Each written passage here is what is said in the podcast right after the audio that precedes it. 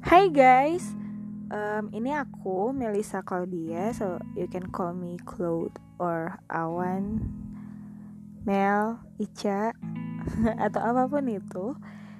Di sini aku akan cerita-cerita tentang kehidupan pribadi aku, uh, bukan kehidupan pribadi sih ya.